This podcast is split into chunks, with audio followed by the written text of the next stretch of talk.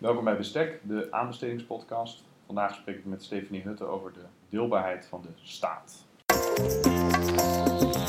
Welkom bij Bestek, de podcast voor de aanbestedingswereld. Deze serie biedt inzicht in onderzoek. Meester Dr. Willem Jansen van de Universiteit Utrecht bediscussieert de uitdagingen van het aanbestedingsrecht. Samen met zijn gasten gaat hij voor u op zoek naar oplossingen. Dit is Bestek, de aanbestedingspodcast.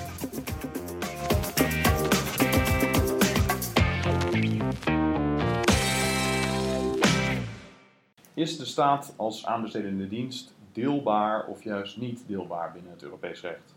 En dan vooral binnen het Europees aanbestedingsrecht. Dat is de vraag die vandaag in deze podcast centraal staat. De vraag die hierbij speelt is of de staat gezien kan worden als één aanbestedende dienst of als meerdere aanbestedende diensten. Als er sprake is van één aanbestedende dienst, dan kan er een beroep worden gedaan op zelfvoorziening. Maar als de ministeries bijvoorbeeld aparte aanbestedende diensten zijn, dan moeten de aanbestedingsregels nageleefd worden wanneer zij onderling diensten aan elkaar wensen te leveren.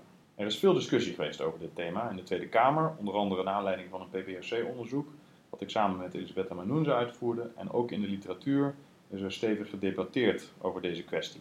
Nou, vandaag spreek ik met Stefanie Hutte, ik hoop dat ik het goed uitspreek, over deze vraag en proberen we de discussie inzichtelijk eh, te maken en hopelijk wat verder te brengen. Ze is promovenda in het Europees aanbestedingsrecht bij de Radboud Universiteit Nijmegen en doet onderzoek naar publieke samenwerking en publiceerde recentelijk het stuk The State as Contracting Authority, One Whole or a Cluster of Smaller Contracting Authorities in Public Procurement Law Review. Nou, het is een ontzettend mooie publicatie waarin ze zich volledig baseert op de Nederlandse inbestedingen van schoonmaak- en beveiligingsdiensten. En ze bespreekt daarin de adviezen van de Commissie van Aanbestedingsexperts, de rechtbank Den Haag, die daarop volgde.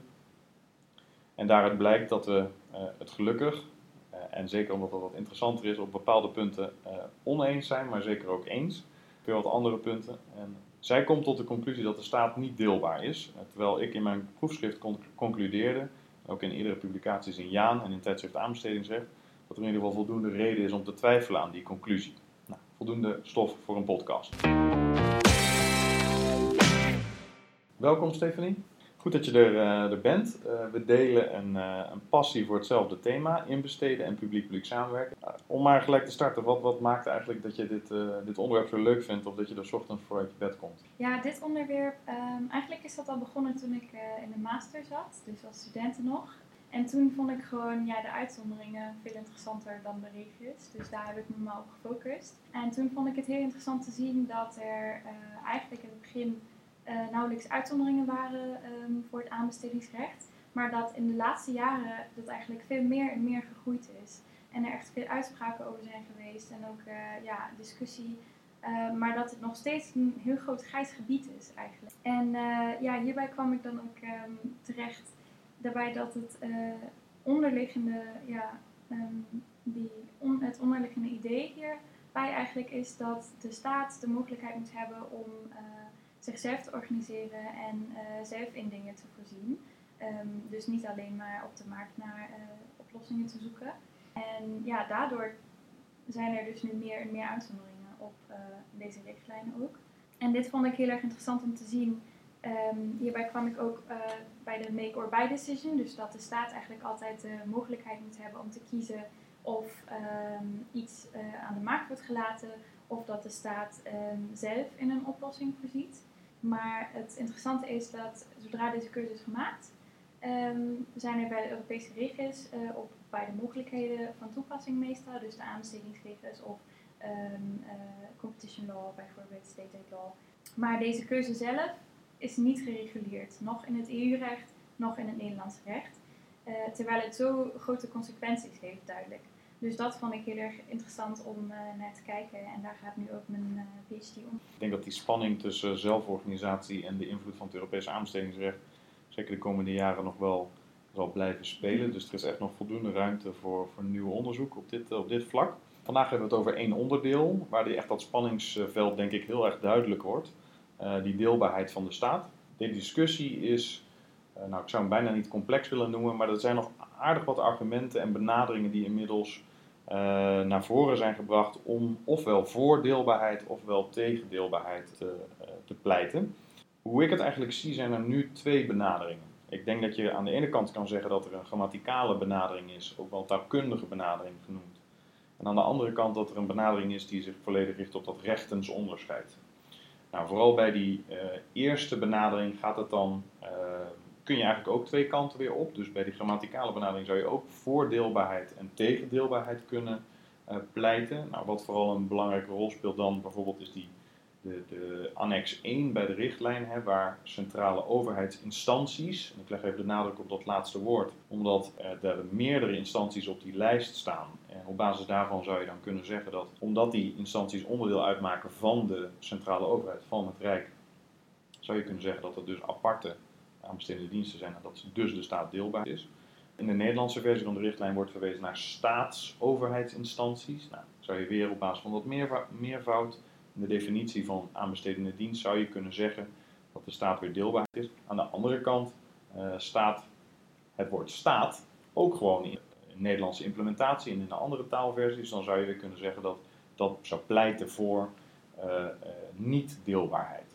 Als we kijken naar die tweede benadering, rechtens onderscheid, dan wordt er gekeken naar dan kun je denk ik daaronder weer zeggen dat er een privaatrechtelijke benadering is en wellicht een bestuursrechtelijke benadering of een benadering op basis van andere rechtsgebieden. Nou, die privaatrechtelijke benadering is redelijk simpel. Daar is de rechtspersoonlijkheid het meest belangrijke.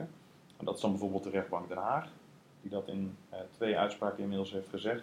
Ook de Nederlandse staat heeft dat standpunt. Die juridische scheiding op basis van de bestuursrechtelijke weg zou bijvoorbeeld kunnen op basis van de comptabiliteitswet of de uh, bestuursorganen zoals we dat kennen in, Nederlandse bestuursrecht. Twee benaderingen dus. Misschien is het nog handig uh, om uit te leggen waarom we überhaupt naar die uh, juridische scheiding kijken. Ja, zeker. Um, de inhoudssituatie. Um, en dat betekent dat um, ja, publieke instanties of uh, aanbestedende diensten altijd de mogelijkheid hebben om in plaats van een contract te sluiten met een aparte persoon of aparte instantie, om zelf in hun uh, benodigdheden te voorzien. En daar heeft het Hof van Justitie uh, bijvoorbeeld in de casus Stadhalle bepaald dat er geen publiek contract kan ontstaan um, als er geen um, twee entiteiten of meer entiteiten die van elkaar juridisch te onderscheiden zijn bestaan. En eigenlijk komt die, die Stadhallezaak komt dan weer uit TECAL natuurlijk, ja. waar het Hof zegt een rechtens onderscheid moet er zijn. En mocht er dan eventueel toezicht zijn op die partij, en als die partij dan ook het merendeel van de activiteiten uitvoert voor die controlerende entiteit, dan is er eigenlijk, wordt dat rechtensonderscheid eigenlijk minder belangrijk, hè? omdat ze dan alsnog direct een opdracht kunnen gunnen aan. Precies, maar als er dus sowieso geen um, juridisch onderscheid is uh, vanaf het begin, dan is dit dus allemaal niet relevant en dan uh, is dus aanbestedingsrecht helemaal niet van toepassing. Als we eh, dan gelijk starten met die zaken. Hè. We hebben ja. twee adviezen van de Commissie van Aanbestedingsexperts, nummer 198 en 255. En dan vervolgens hebben we uh, eigenlijk ook twee zaken van uh, de rechtbank Den Haag, maar ik denk dat de belangrijkste van afgelopen jaar januari is, um, van, van 2018, waarin deze materie weer besproken wordt. En eigenlijk volgt dat recht, die rechtbankuitspraak volgt op een van de adviezen van de commissie. Als ik kort de, de commissie van aanbestedingsexperts de eerste uitspraak introduceer, wil ik laten weten wat je daarvan vindt. Wat gebeurt er heel kort gezegd? Het ministerie van OCW heeft een uh, die groot digitaliseringsprogramma, waaronder Nationaal Archief, die onderdeel uitmaakt van dat ministerie. En het Nationaal Archief heeft, gaat mee in die digitaliseringsslag en gaat veel archieven digitaal proberen op te slaan. De oplossing wordt gevonden in de Belastingdienst, die, zoals ik me zo bedenk, in april vooral veel aangiftes moet inscannen, maar in de rest van het jaar wat ruimte over heeft in hun scanstraat. Uh, en de Belastingdienst valt onder het ministerie van Financiën. Nou, in deze situatie wordt er dus een, opdracht gegeven van het ministerie uh, A aan het ministerie B eigenlijk. En de vraag die daarbij speelde, is dit nou een aanbestedingsplichtige overheidsopdracht? En dan zegt de commissie van aanbestedingsexperts, die zegt eigenlijk, ja, dit is aanbestedingsplichtig. En dat denk ik dat dat eigenlijk wel insloeg als een bom binnen de Rijksoverheid. Maar misschien kun jij wat ingaan op wat, wat de redenering daar nou van was, of wat de uh, commissie uh, nou qua juridische onderbouwing daaraan gaf. Ja, um, nou ja, ik persoonlijk vind dus uh, het advies op sommige punten een beetje kort door de bocht beargumenteerd. De commissie is dus van mening of dat hier geen sprake kan zijn van een dergelijke inhoudssituatie die we net hebben omschreven omdat volgens de commissie uh, de twee ministeries scheiden zijn van elkaar. En terwijl ze onder dezelfde rechtspersoon, dus de staat vallen, betekent dat niet dat ze ook één aanbestedende dienst zijn. En de commissie beargumenteert dit door te zeggen dat er geen zeggenschapsverhouding uh, bestaat tussen die twee ministeries. En dat er daarom dus sprake moet zijn van twee gescheiden aanbestedingsdiensten die bij aanbestedingsplichtig zijn.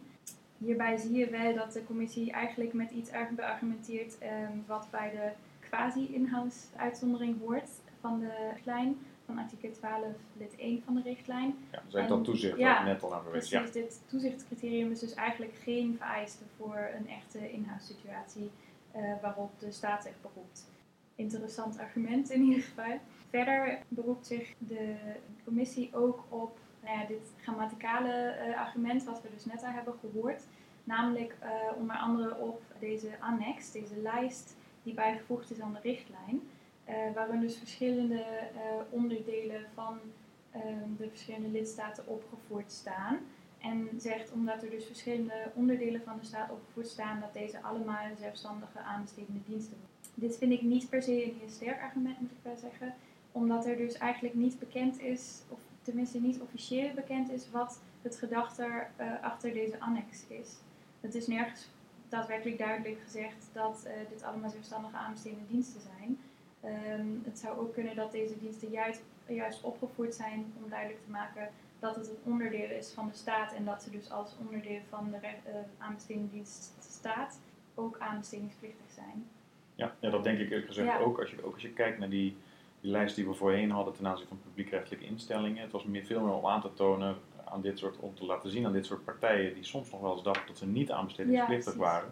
Van goh, uh, jullie moeten gewoon aanbesteden. En daarnaast, wat heel gek zou zijn als we deze lijsten zouden verheffen tot de, het argument om deelbaarheid aan te tonen, is dat de lidstaten zelf deze lijsten moeten aanleveren. Dus dat zou een hele gekke situatie, dat je, geen, dat je alleen het Rijk aanlevert en dat je dan vervolgens geen deelbaarheid uh, van de staat zou kunnen aantonen. Ja, verder zijn deze lijsten ook niet uh, uitputtend. Dat zou dan ook nog naar interessante vraagstukken leiden, leiden, uh, leiden. Bijvoorbeeld als er een instantie niet opgenoemd is, betekent dat dan dat die wel bij de staat hoort? Of um, ja.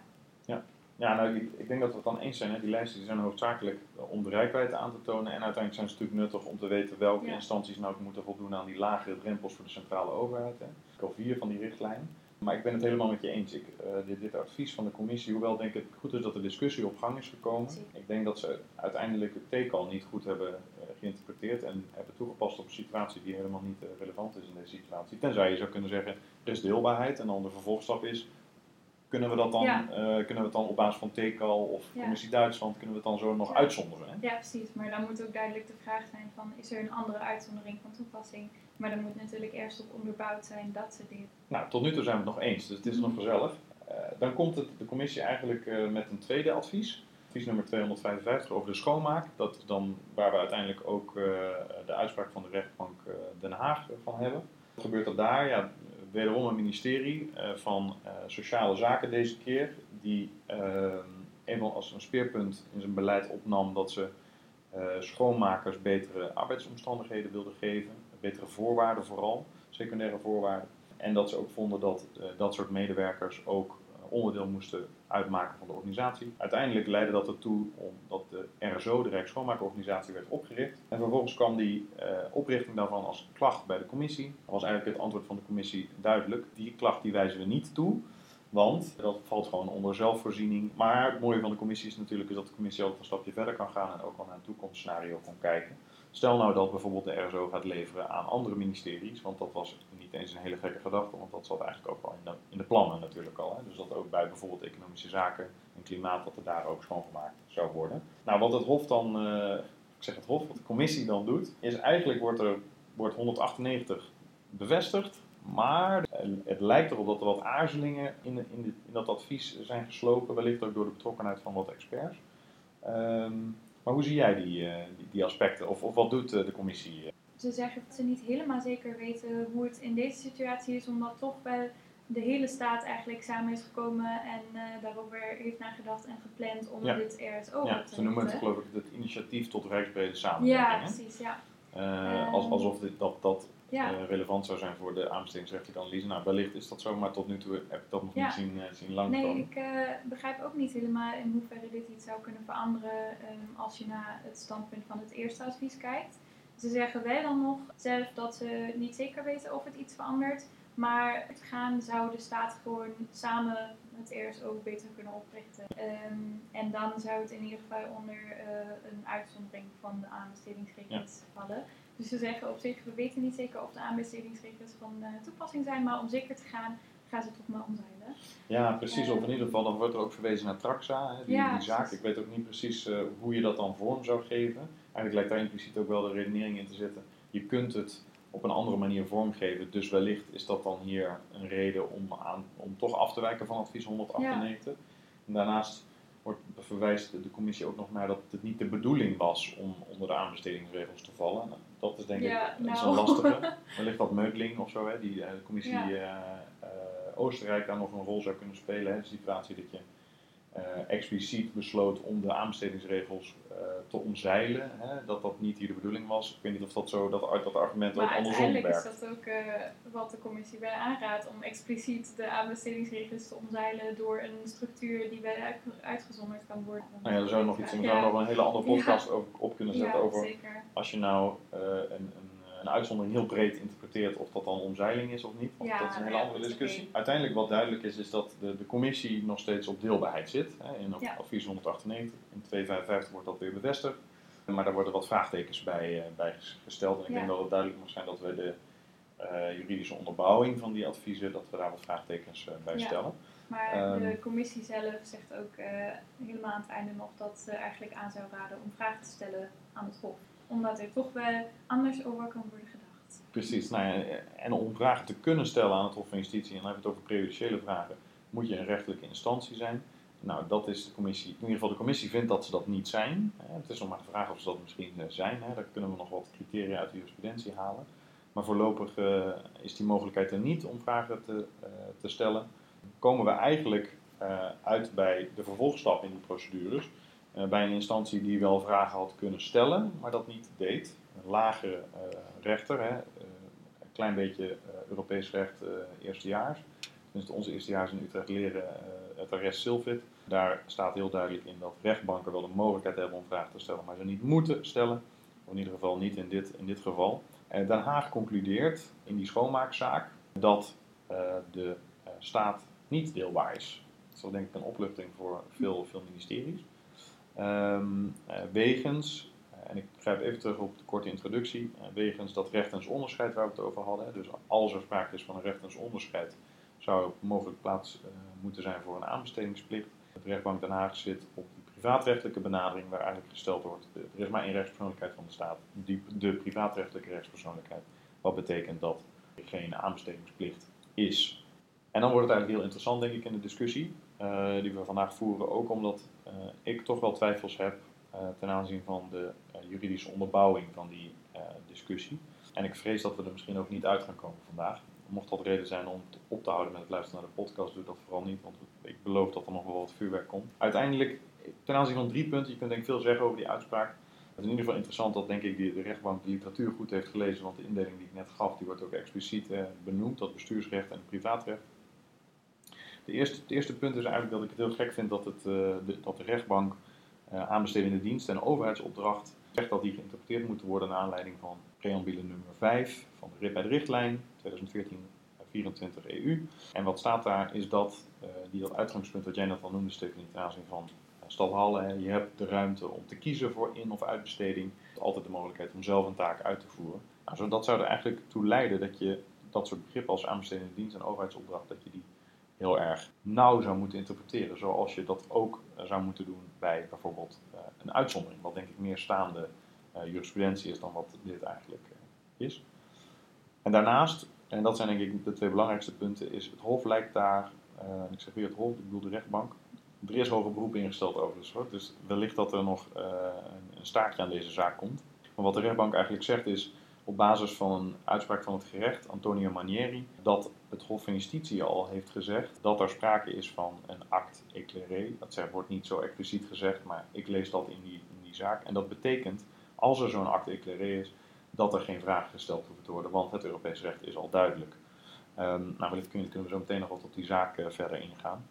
Um, en daarnaast, en dat is uh, denk ik het sterkste argument voor deze benadering, is het feit dat het in Nederland onmogelijk zou zijn om anders een contract of de bepalingen uit het contract af te dwingen, omdat, zoals Helmoet Muller zegt, die bepalingen of die voorwaarden van een contract wel in rechten afdwingbaar moeten zijn. Nou, de staat kan zichzelf niet dagen bij een civiele rechter, omdat er maar één rechtspersoonlijkheid is. Dus dat zou ertoe leiden dat we, dat we vastzitten en dat je dus niet naar de rechter zou kunnen, waardoor dus zo'n privaatrechtelijke benadering heel nuttig zou zijn.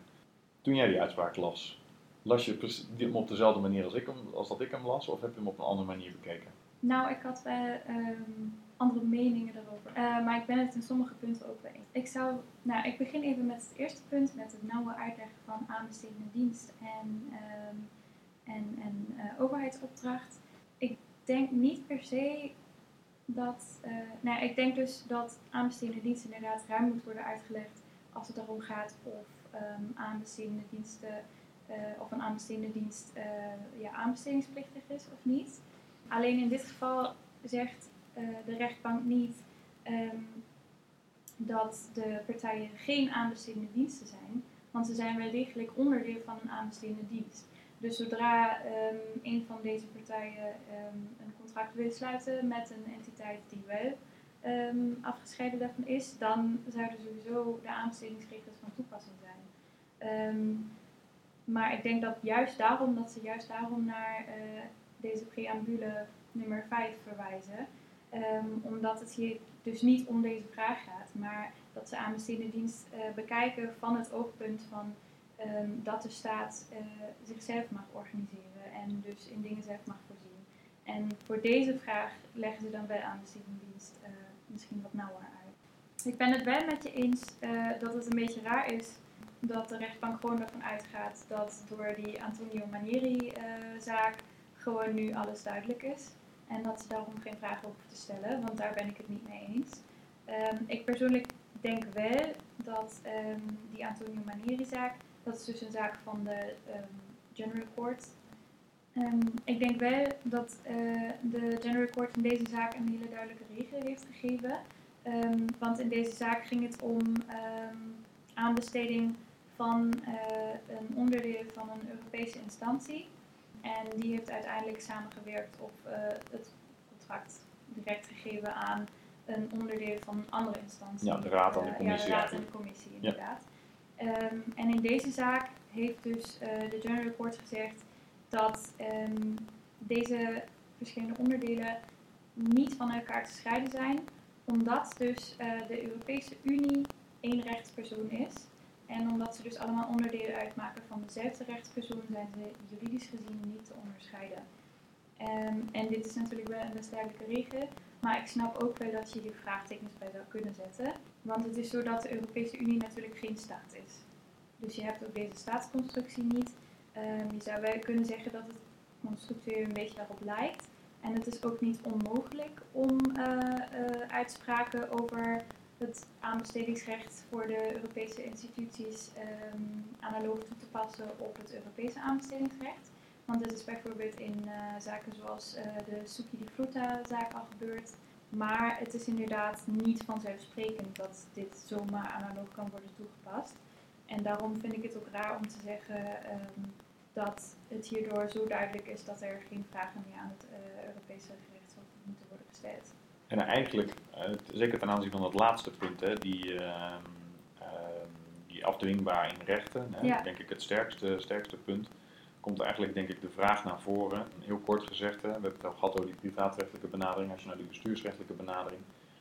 Eh, de gedachte daarachter zou zijn, is dat je eh, op basis van beentjes de staat functioneel moet uitleggen. Hè, mm -hmm. het de uitleg daarvan het nuttige effect van de richtlijn ten goede komt. Nou, dan zou je nog argument kunnen geven is dat bijvoorbeeld uh, Denemarken dat ook uh, uh, zo interpreteert. Natuurlijk niet op basis van hetzelfde bestuursrecht als dat, dat wij hebben, maar zij zeggen ook op basis daarvan deelbaarheid. Um, dat bijvoorbeeld de organisatorische bewoording van TECAL, hè, we hadden het over dat recht als onderscheid, hè, de gezagsstructuur die er moet zijn, dat die tussen ministeries helemaal niet aanwezig is. In de praktijk zijn ministeries vaak heel erg gescheiden qua budgetten, qua organisatie, et cetera, et cetera. Ja. Maar natuurlijk hangt daar een ministerraad boven, maar er zit wel wat onderscheid tussen. En een vraag die je dan zou kunnen stellen is, stel nou dat je eh, dus zegt dat het eh privaatrechtelijk geïnterpreteerd zou moeten worden, wellicht op basis dan van Helmut Muller, dan betekent het dus dat de, uiteindelijk de procedurele autonomie van de lidstaten, hè, de vrijheid die de lidstaten hebben om hun procesrecht in te richten. Nou, in Nederland hebben wij gekozen voor civielrecht, in heel veel andere lidstaten is dat een ander eh, rechtsgebied, vaker zelfs is het administratief recht. Eh, dat dat de doorslag geeft ten opzichte van die functionele interpretatie van het aanbestedingsrecht. Dat zou ertoe leiden, en daarom ben ik benieuwd naar jouw, jouw gedachten daarover, dat grote verschillen kunnen ontstaan tussen, tussen de lidstaten. Dus dat de ene lidstaat eigenlijk concludeert, ja wij zijn deelbaar, dat de ander niet deelbaar zou zijn. Mijn gedachte hierbij is, staat de procedurele autonomie van een lidstaat daadwerkelijk de effectiviteit van deze richtlijn en van het aanbestedingsrecht in de weg? Ehm, want eh, het is dus juist zo dat de richtlijn, dus door uh, preambule 5 ook weer bijvoorbeeld, ehm, eigenlijk de lidstaten deze keuzevrijheid laat. Tenminste, lees ik dit zo. Ehm, dat het dus de idee is dat de lidstaten zelf mogen bepalen hoe ze georganiseerd zijn. Ehm, dus dat leidt natuurlijk tot verschillen tussen de lidstaten, of kan leiden. Maar dat is dus juist het idee dat ze dit zelf mogen kiezen. En dat de staat zelf daarvoor mag kiezen of ze eh, binnen de staat meer samen willen kunnen werken of niet.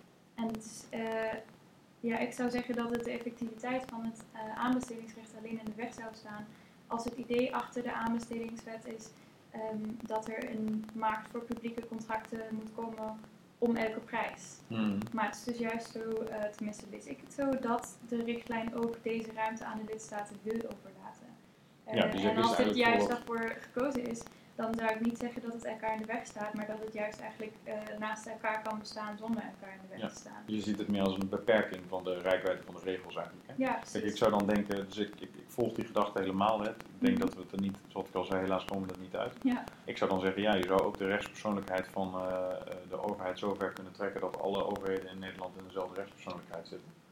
Nou, praktisch gezien gaat dat natuurlijk nooit gebeuren, maar ik bedoel het meer als het gedachte-experiment. Eh, dat zou ertoe leiden dat je dus eh, nooit meer iets, eh, dat ons onderzoek, mijn proefschrift, jouw toekomstige proefschrift en de prullenbak kan, want dan heb je nooit meer die uitzonderingen nodig, want je hebt altijd de, de, rechtspersoonlijkheid waar je op kan terugvallen. ja, dit is een interessant gedachte. Ja. Ik weet niet ehm, of dit daadwerkelijk zo makkelijk zou werken, ehm, omdat wij, ja, maar dan komen we weer bij de ehm, eh, grammaticale benadering Ja. misschien terug. Ehm, omdat er wel een onderscheid is gemaakt tussen dus eh, lokale en regionale autoriteiten en de staat. Ja.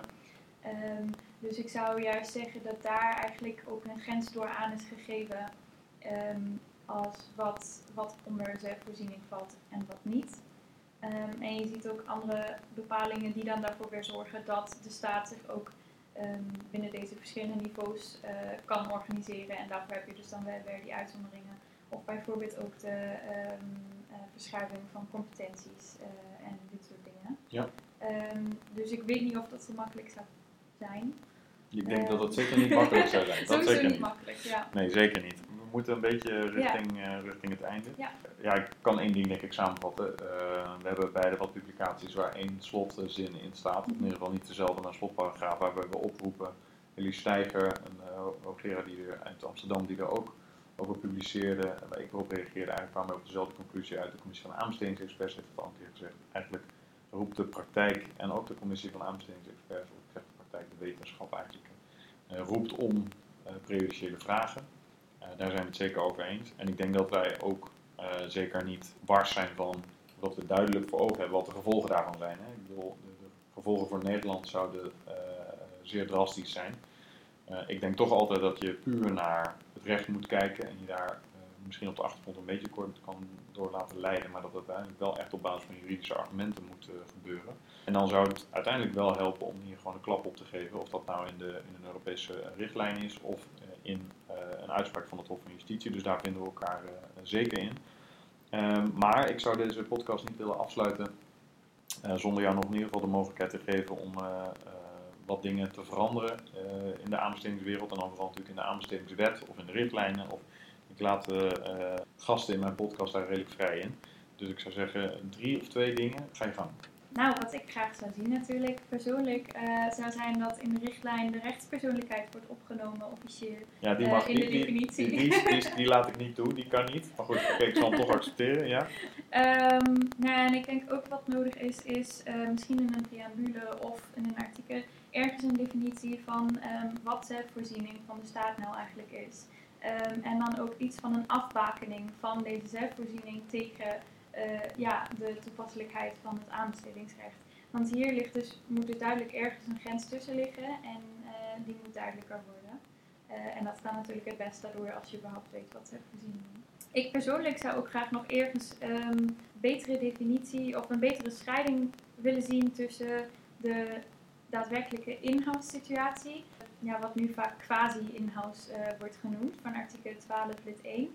Eh, omdat dit toch wel twee verschillende dingen zijn. Het ene is een situatie die per definitie nooit eh, onder de aanbestedingsregels kan vallen, omdat er dus geen te onderscheiden entiteiten zijn en die ook geen contracten met elkaar kunnen sluiten. Terwijl het andere gewoon een situatie is waar wel de aanbestedingsregels van toepassing zijn, ehm, maar die uitgezonderd worden daardoor dat er plek wordt gemaakt voor zelfvoorziening.